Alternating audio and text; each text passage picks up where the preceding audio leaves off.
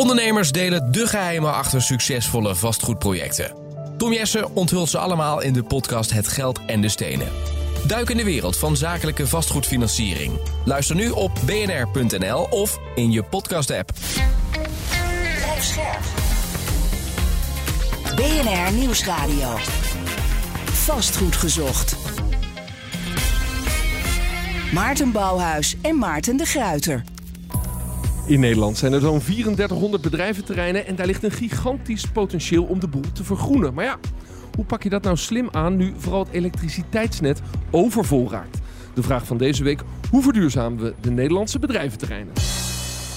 Dit is vast goed gezocht. Jouw wekelijkse update over de wereld van de stenen. Je hoort ons elke maandagmiddag om uh, half vier, zeven uur s'avonds op BNR. En natuurlijk altijd online via je eigen podcastspeler. En vandaag komen we vanaf het kerstbomenfeest van onze partner mogelijk in Breukelen met publiek.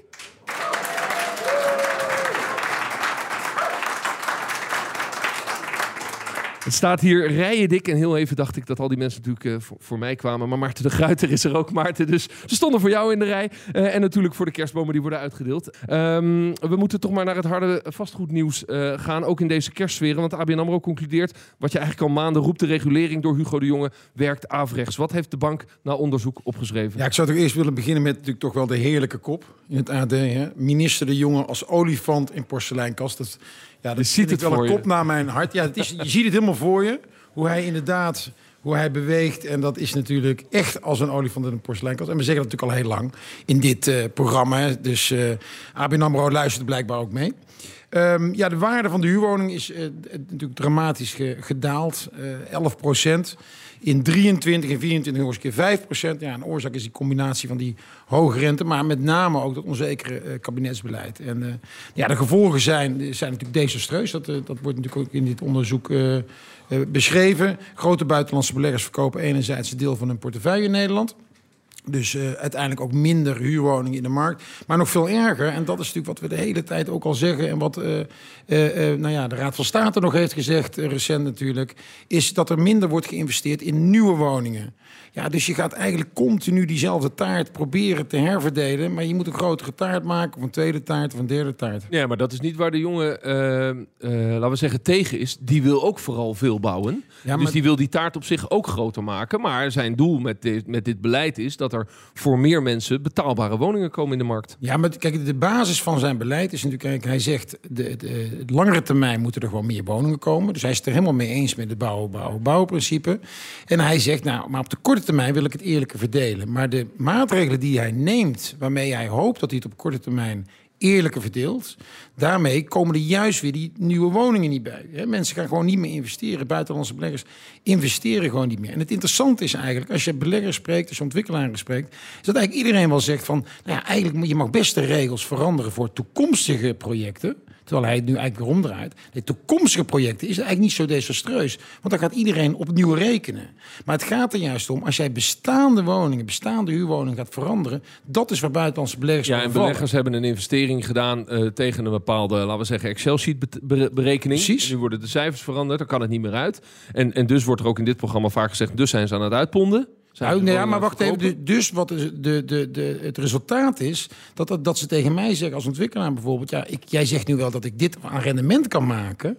maar ja, als ze dadelijk weer de regels veranderen, klopt dat ook niet. Dus het gaat er gewoon om dat je eh, voor ieder ondernemer, voor iedere belegger... is het van belang dat je een overheid hebt die extreem betrouwbaar is. Ja, we, we hebben dit nieuws al vaak behandeld... maar de reden om het nu te behandelen is dat ABN AMRO het met cijfers staaft... en in een rapport uh, opschrijft. Nou, heb jij nog wel eens contact met Hugo de Jonge? Jullie appen nog wel eens wat. Uh, hij zei drie weken geleden in ons programma... nou, uh, ik ga het vooral beter uitleggen en ik ga niet mijn beleid veranderen. Wat denk je dat er nu gaat gebeuren? Nou, wat hij ook zei in ons uh, programma, en dat was natuurlijk uh, vrij dramatisch... is natuurlijk dat hij bijvoorbeeld over CBRE... die hij wel of niet bewust CBRE noemde... dan ben je twee jaar ben je in die, ben je actief in die markt. Dat, dat trek jij niet? Ah, het is, ik weet niet of je het bewust doet. Het, maar het is een beetje raar natuurlijk. Ja, het is de grootste vastgoedadviseur in de markt. Ja, ik vind dat een beetje vreemd. Het is ook een beetje uh, kleinerend. Ik weet niet hoe hij het bedoelt.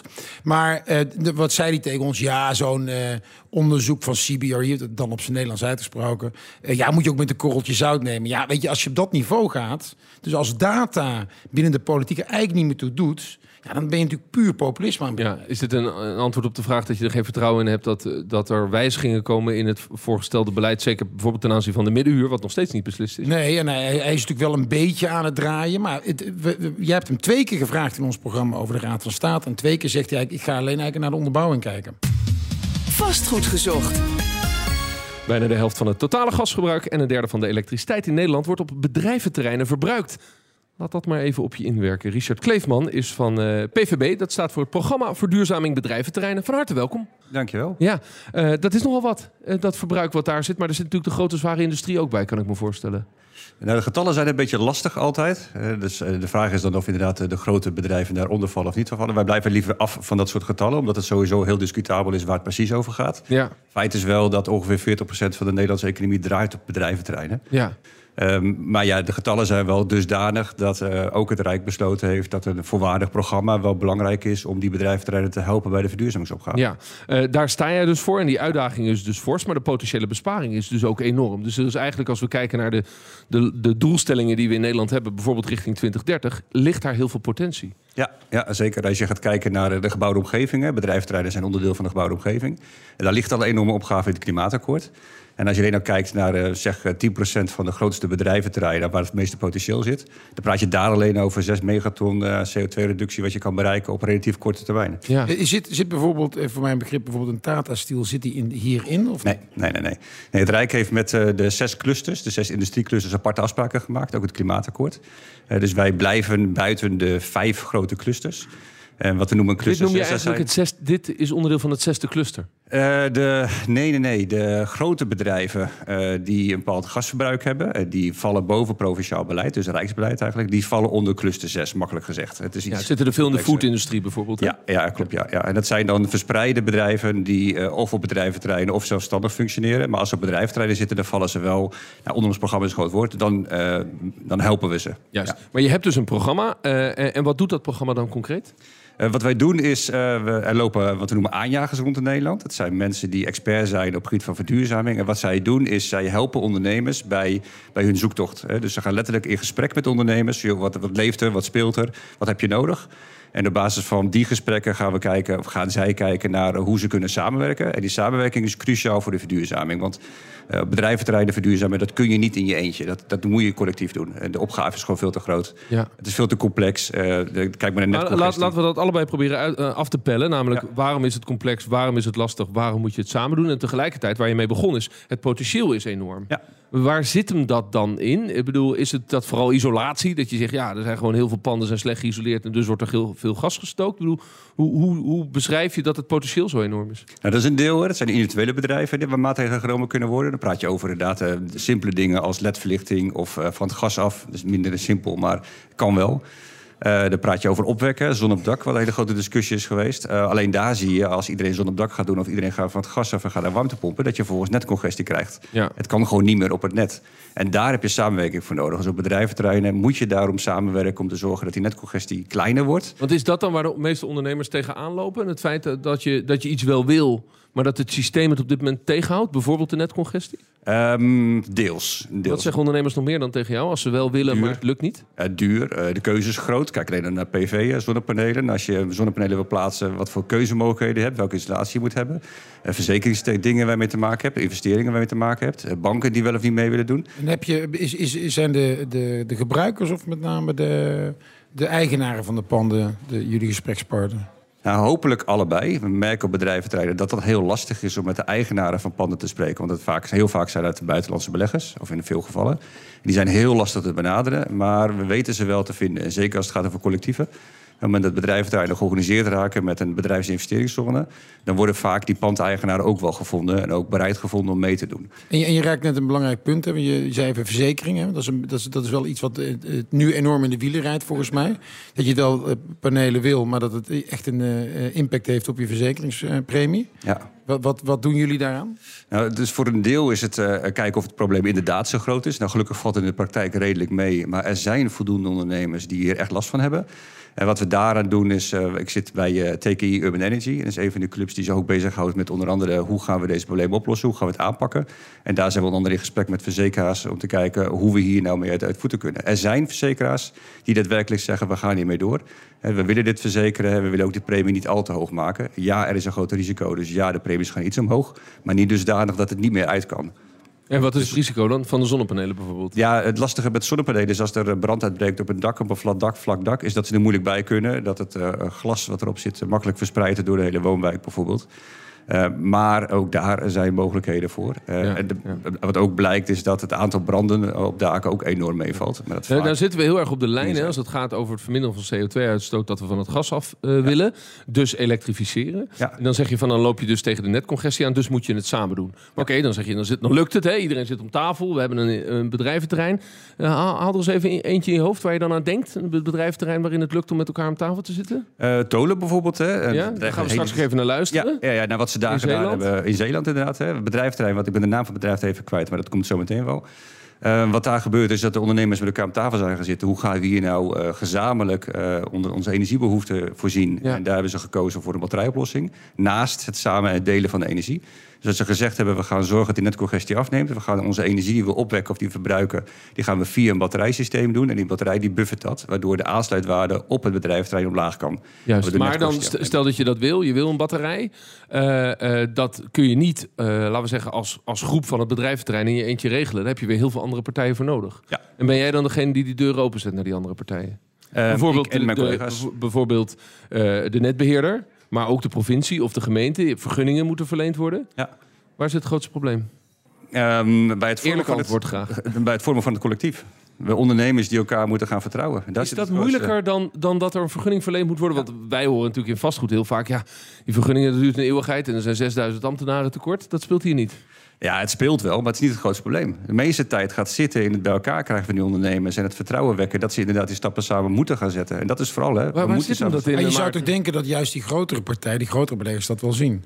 Ja, maar die gaan voor zichzelf. En dat snap ik ook wel. Die lossen hun eigen problemen prima op. Dat is helemaal geen probleem. Maar een gemiddeld bedrijventerrein...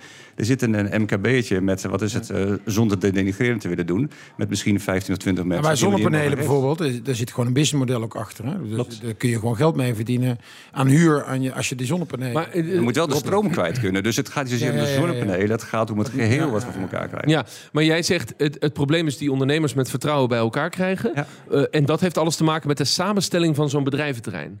En dat is gewoon een allegaartje. Dat is een ratitouille. Ja. Ja, en, waar, waar loop je tegenaan? Wat zie je dan als je, als je probeert al die kikkers in een kruiwagen te krijgen?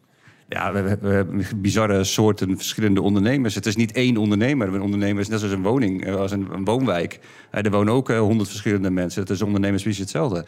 Uh, dus uh, uh, een bedrijventerrein. Nou, in, in heel veel woonwijken in Nederland is er heel veel monocultuur wat mij betreft. Maar dat komt door de type huizen die gebouwd zijn. Wat is jouw eigen achtergrond? Is dat energie of is dat, is dat vastgoed? Of, ehm, heel breed. Ik, ik, sinds 2000 zit ik in verduurzaming en op allerlei vlakken. Ondernemer geweest, productiebedrijf gehad. ik heb bij overheden gewerkt, adviesbureaus.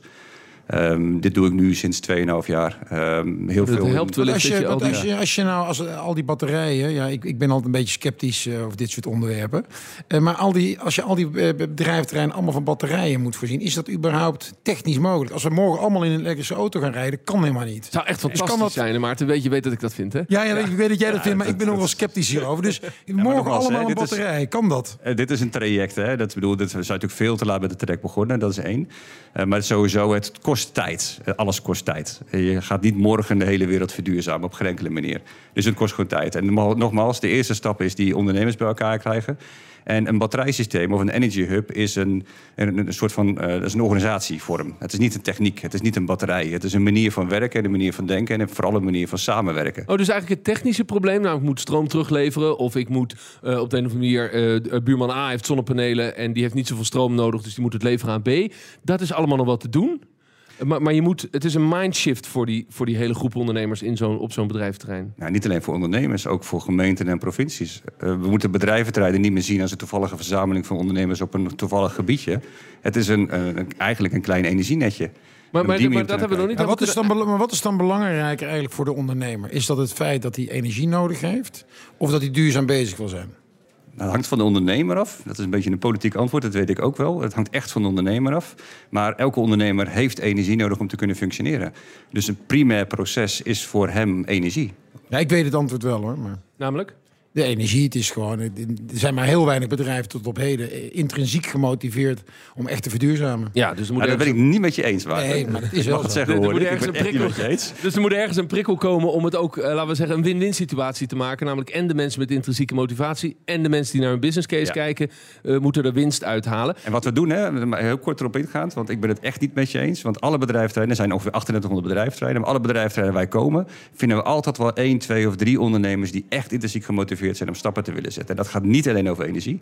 Dat gaat ook over klimaatadaptatie, over en, en dat worden, jou, dat worden natuurlijk jouw ja, maar jij zegt 1, 2, 3 natuurlijk. Ik zeg niet dat niemand... Ik heb niet het woord niemand gezegd. Hè? Nou, maar als jij zegt 1, 2, 3... Als jij zegt 1, 2, 3 op een heel bedrijventerrein... Dat, is, dat, is toch wel heel, dat is toch wel heel dun, hè? Oké, okay, hoe we dan die aanjagers voor de kar gaan spannen... wil ik het straks nog even met je over hebben. Het verduurzamen van bedrijventerreinen. Daarover gaat het dus in deze aflevering van Vastgoed Gezocht. En op Tolen, Richard zei het al even... Uh, dat is in Zeeland, dat weet u allemaal... Uh, zijn ze er vijf jaar geleden al mee gestart, vertelt Peter van Tel. Hij is van eh, e-Target, een transitieplatform voor bedrijventerreinen. We begonnen met een haalbaarheidsonderzoek hier of een terrein, het Polder, of we dat uh, collectief konden verduurzamen, waarbij we het CO2-neutraal konden maken en energiepositief. En daar is eigenlijk uh, uit gebleken dat dat kon, dat dat te realiseren was. En als vervolg erop zijn we dus verder gaan kijken. Toen hebben we met ondernemers allerlei afspraken gemaakt. We hebben ook SDA-subsidies aangevraagd voor het plaatsen van zonnepanelen. En toen dat dan rond was, toen kwam er netcongestie en hadden we een ander probleem. Oftewel, het stroomnet raakte vol.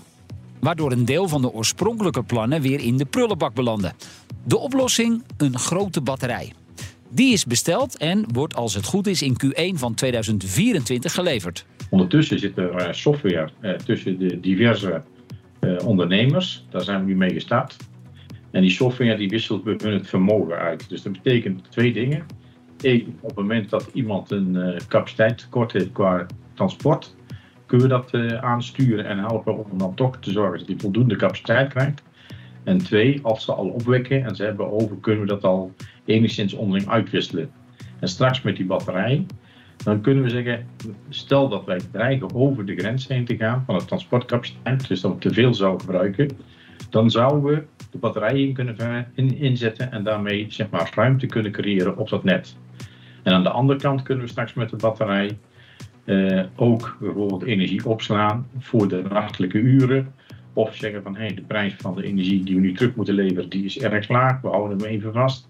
Of we kunnen zeggen, we weten dat daar een andere partij extra stroom nodig heeft. Nou, daar kunnen we dan mee gaan sturen, zodat we dat net en de inzet van de, eh, de opgewekte in, eh, energie maximaal kunnen gebruiken. Nou, technisch kan het allemaal, zegt Van Tijl.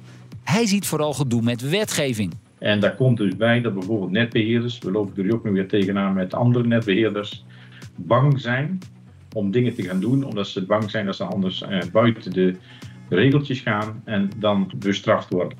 En dan zie je dus een enorme terughoudendheid, een enorme angst.